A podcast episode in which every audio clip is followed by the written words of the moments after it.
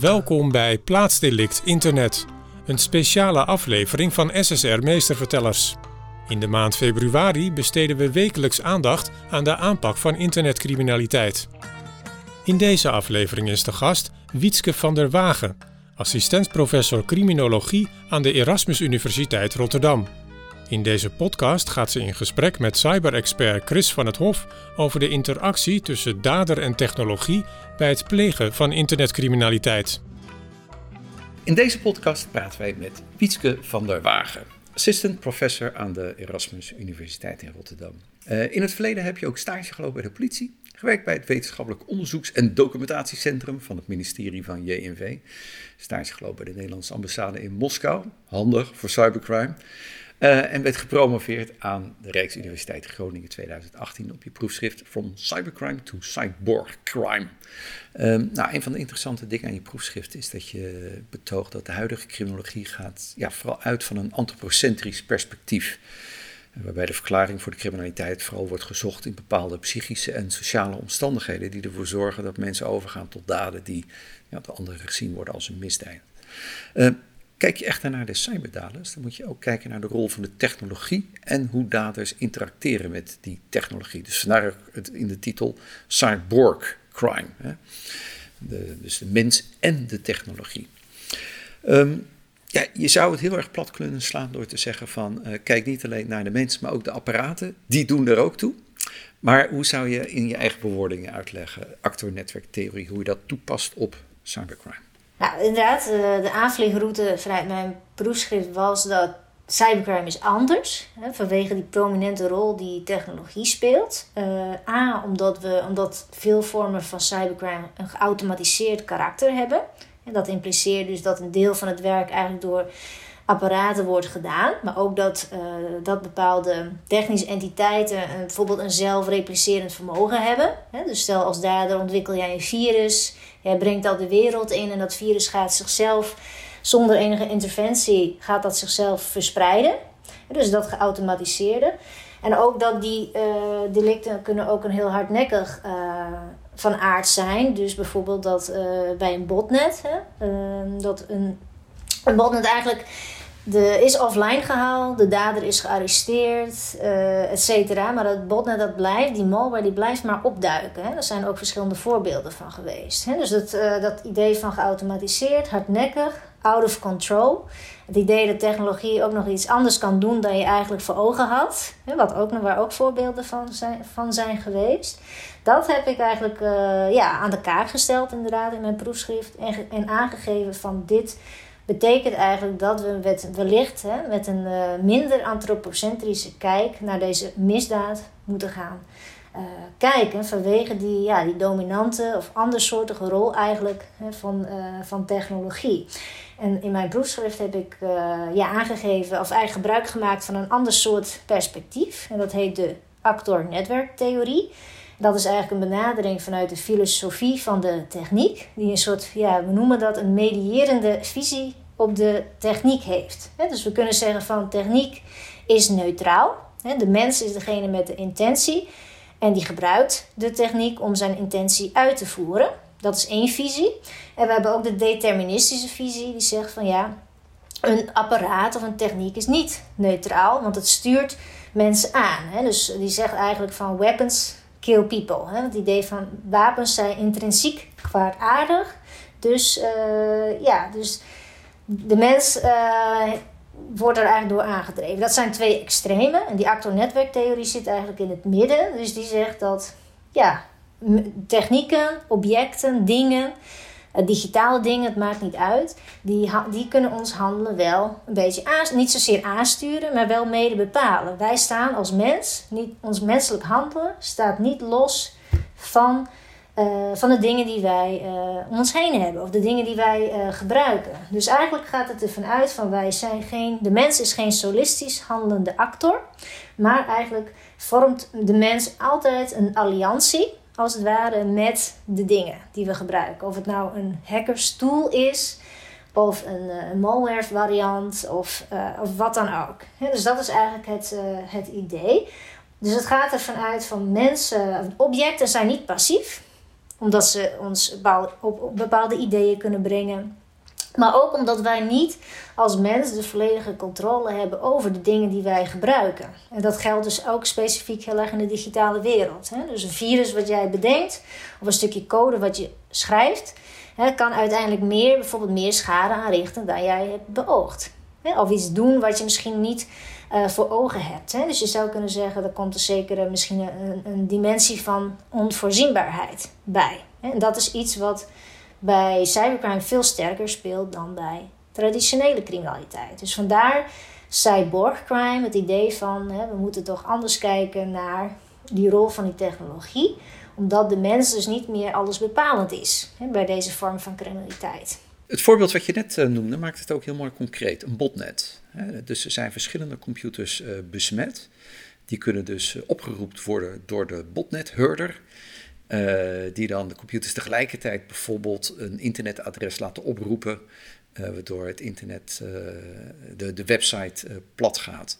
Nou ja, als je dat vergelijkt met de fysieke wereld, je, zeggen ze wel eens, het is net als belletje ledden, om met een groep mensen voor de deur gaan liggen, dat er niemand meer langs kan.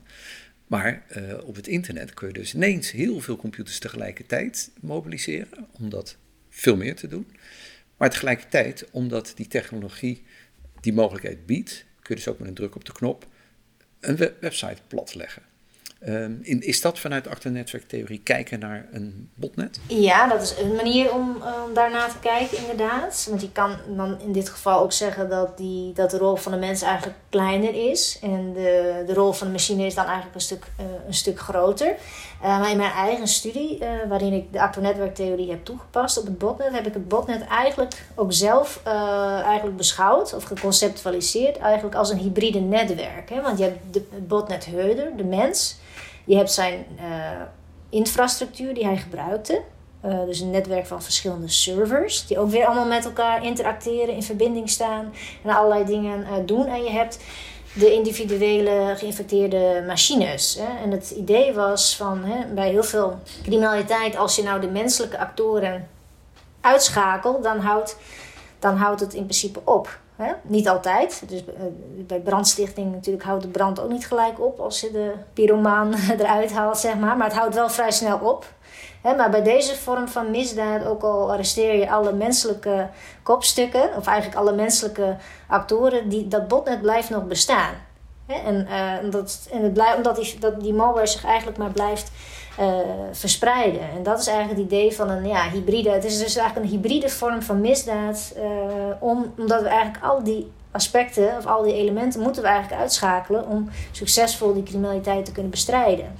Dus in sommige gevallen, als je puur om, gaat van wil je die misdaad stoppen, hè, dan is het eigenlijk nog belangrijker om die uh, infrastructuur offline te halen dan per se die dader te arresteren. Ja, want stel ik ben een gebruiker van een computer die is besmet, uh, die dan wel malware verspreidt, dan wel als onderdeel van een botnet andere websites platlegt.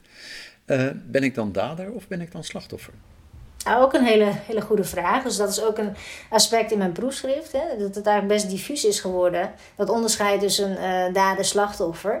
Ja, natuurlijk ben je natuurlijk niet welwillens uh, onderdeel van een, van een botnet. Maar inderdaad, jouw computer wordt eigenlijk, is eigenlijk onderdeel van een leger aan aanvallers. Hè? En, uh, dus het is eigenlijk best wel een uh, bizar idee. Hè? Dus in dat opzicht is ook. Uh, zijn we als, ja, heb ik natuurlijk in mijn proefschrift iets meer de nadruk gelegd op de dader als een hybride. Maar ook het slachtoffer is een soort hybride hè, van mens en, en machine. Dus dat is inderdaad een, een, een lastig aspect. Klopt. Ja, want, want uh, raak je daarmee ook de kern dat cybercrime echt anders is dan traditionele criminaliteit? Want, want, daar zie je toch altijd de mens in een bepaalde situatie, een motief en een middel. Hierbij gaat het middel dus zelf een, een, een actieve rol spelen in de misdaad. Is dat wat actor-netwerktheorie toevoegt aan de bestaande ja, dus criminologische dus... perspectieven? Dat is eigenlijk wat het eigenlijk wil benadrukken. Normaal heb je een hele sterke doel-middel-rationaliteit of een soort dualisme. Van het doel is, behoort tot de mens en het middel behoort tot de niet-mens. Wat actor-netwerktheorie eigenlijk wil benadrukken is dat het wat complexer ligt. Dus dat heldere onderscheid tussen doel-middel kun je bij cybercrime, of eigenlijk in algemene zin zegt die theorie, maar ik denk juist bij cybercrime dat dat uh, heel uh, lastig te maken is. Dus het gaat niet uit van het du dualisme. waar, waar we, ja, waar, die normaal wordt gehanteerd. Maar het zegt natuurlijk niet dat, uh, dat dingen uit zichzelf allemaal criminaliteit uh, gaan plegen of zo. Maar het zegt het ligt in ieder geval lastiger dan we no normaliter veronderstellen. Want dan zou dus een rechter in een zaak dus ook moeten meenemen ja, welke tools, welke middelen zijn er ingezet. En in hoeverre hebben die middelen ook de dader uh, niet alleen mogelijk gemaakt bepaalde misdaad te plegen, maar misschien ook toe verleid of zelfs gedwongen.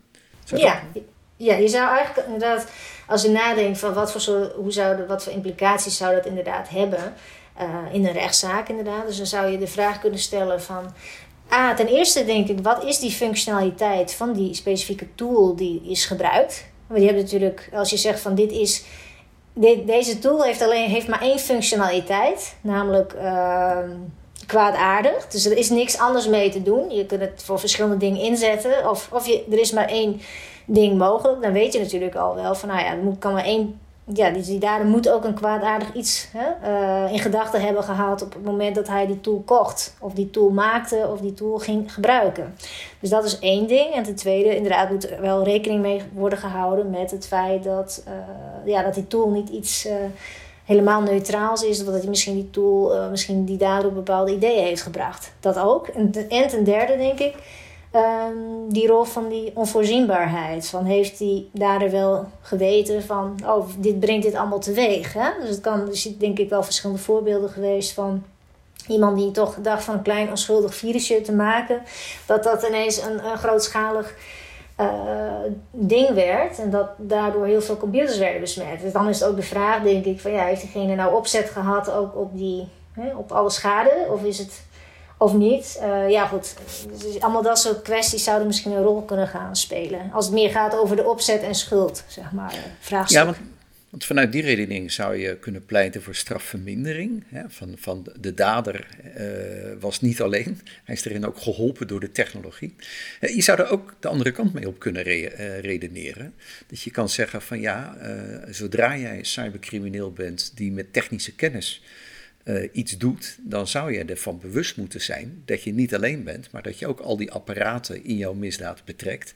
Je zou zelfs kunnen zeggen van je, bent eigenlijk onderdeel van georganiseerde misdaad, omdat jij cybercriminele actoren meeneemt daarin. En dat zou dan weer pleiten voor strafverzwaring. Wat voel je voor die argumentatie? Nou, ik denk kijk, ik heb niet een, een, oordeel over beide argumentaties in de zin van dat ik denk het zou het een of het ander moeten zijn. Wat ik eigenlijk juist met het proefschrift wilde aangeven en ook met dit idee van dat het je eigenlijk wel aan het denken zet. Hè? Dat, het is eigenlijk wel een dimensie of een aspect waar we denk ik, waar waarschijnlijk rechters dus ook wel rekening mee moeten houden. Dat, uh, met al die aspecten van wat is die tool, wat is die rol van die tool nou precies uh, geweest. Want um als ik het goed heb, ben je eh, ook de eerste criminoloog die actor-netwerktheorie toepast op cybercrime.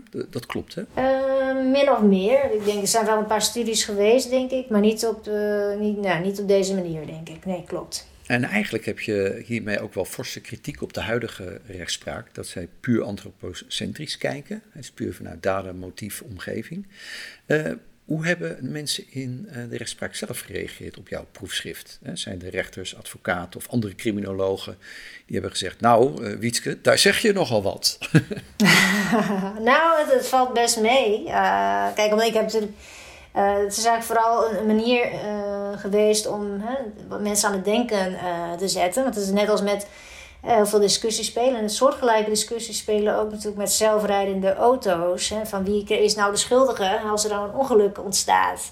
En het idee is natuurlijk nog steeds van ik ga natuurlijk niet de schuld uh, weghalen bij de mens en in plaats daarvan bij de machine uh, neerleggen. Dus dat is natuurlijk niet het idee. Dus het idee is vooral natuurlijk om toch te denken van ja, moeten we op een andere manier hier uh, naar kijken. En ik, ja, ik weet bijvoorbeeld bij de, bij de politie vindt men mijn perspectief bijvoorbeeld heel, ja, eigenlijk best wel heel interessant. Omdat ze natuurlijk bij de politie ook al steeds meer gefocust zijn van we moeten niet alleen maar klassiek hè, eh, mensen opsporen, maar we moeten ook ja, iets doen tegen die infrastructuur. Hè. Dus bij de politie is men uh, wel heel erg geïnteresseerd daarin, maar men geeft tegelijkertijd ook aan dat hè, als het bijvoorbeeld gaat om bevoegdheden, dat die ook nog heel klassiek zijn. Hè. Die zijn eigenlijk altijd gericht op het willen uh, achterhalen, of die is gericht op menselijke verdachten. Hè. Dus heel veel dingen zijn op die manier ook ingericht, nog steeds.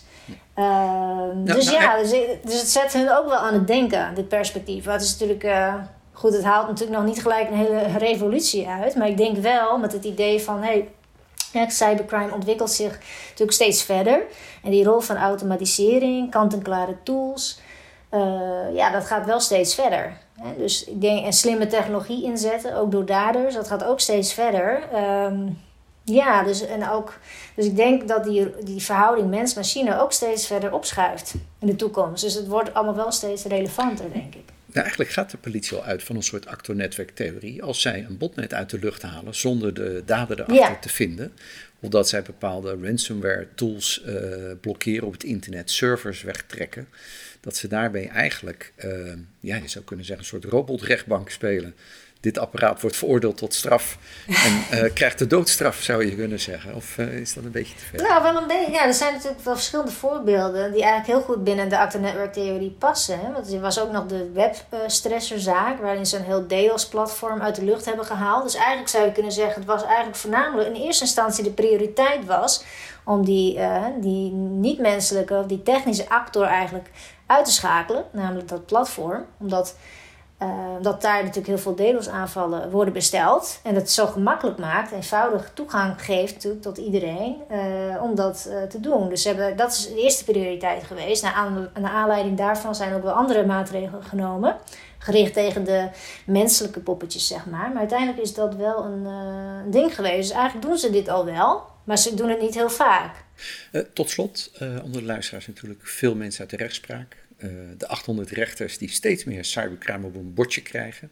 Vanuit jouw uh, ervaring, vanuit jouw onderzoek, uh, als zij nog een beetje twijfelen cybercrime zaken op te pakken, wat zou jouw advies zijn om dat wel te doen? Hoe zou je deze groep kunnen enthousiasmeren?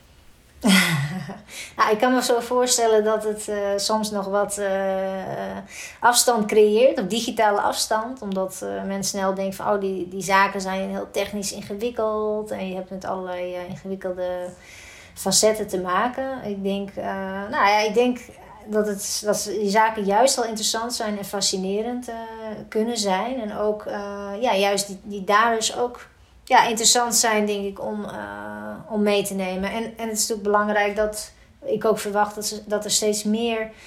Uh, dat er steeds meer daders uh, terecht zullen gaan staan, hè, uiteindelijk, voor cybercrime. Dus ik denk dat heel veel rechters toch een zekere ja, een switch zullen moeten maken naar deze uh, dadergroep. En ik, het vergt niet per se, want zelf heb ik ook niet een hele technische achtergrond. Ik denk dat je langzamerhand wel ook meer in die techniek kunt rollen. Niet van de een op de andere dag, maar als je daarmee kennis maakt. En uh, dan is dat ook zeker wel te doen. Ja, traditionele criminaliteit neemt af, de cybercriminaliteit neemt toe. Dus ze moeten wel. Ze moeten ook wel, zeker. zeker ja. ja. Dankjewel, Pietske van der Wagen. Graag gedaan. Dit was SSR Meestervertellers. Wilt u op de hoogte blijven? Abonneer u dan op onze podcast. Graag tot een volgende keer.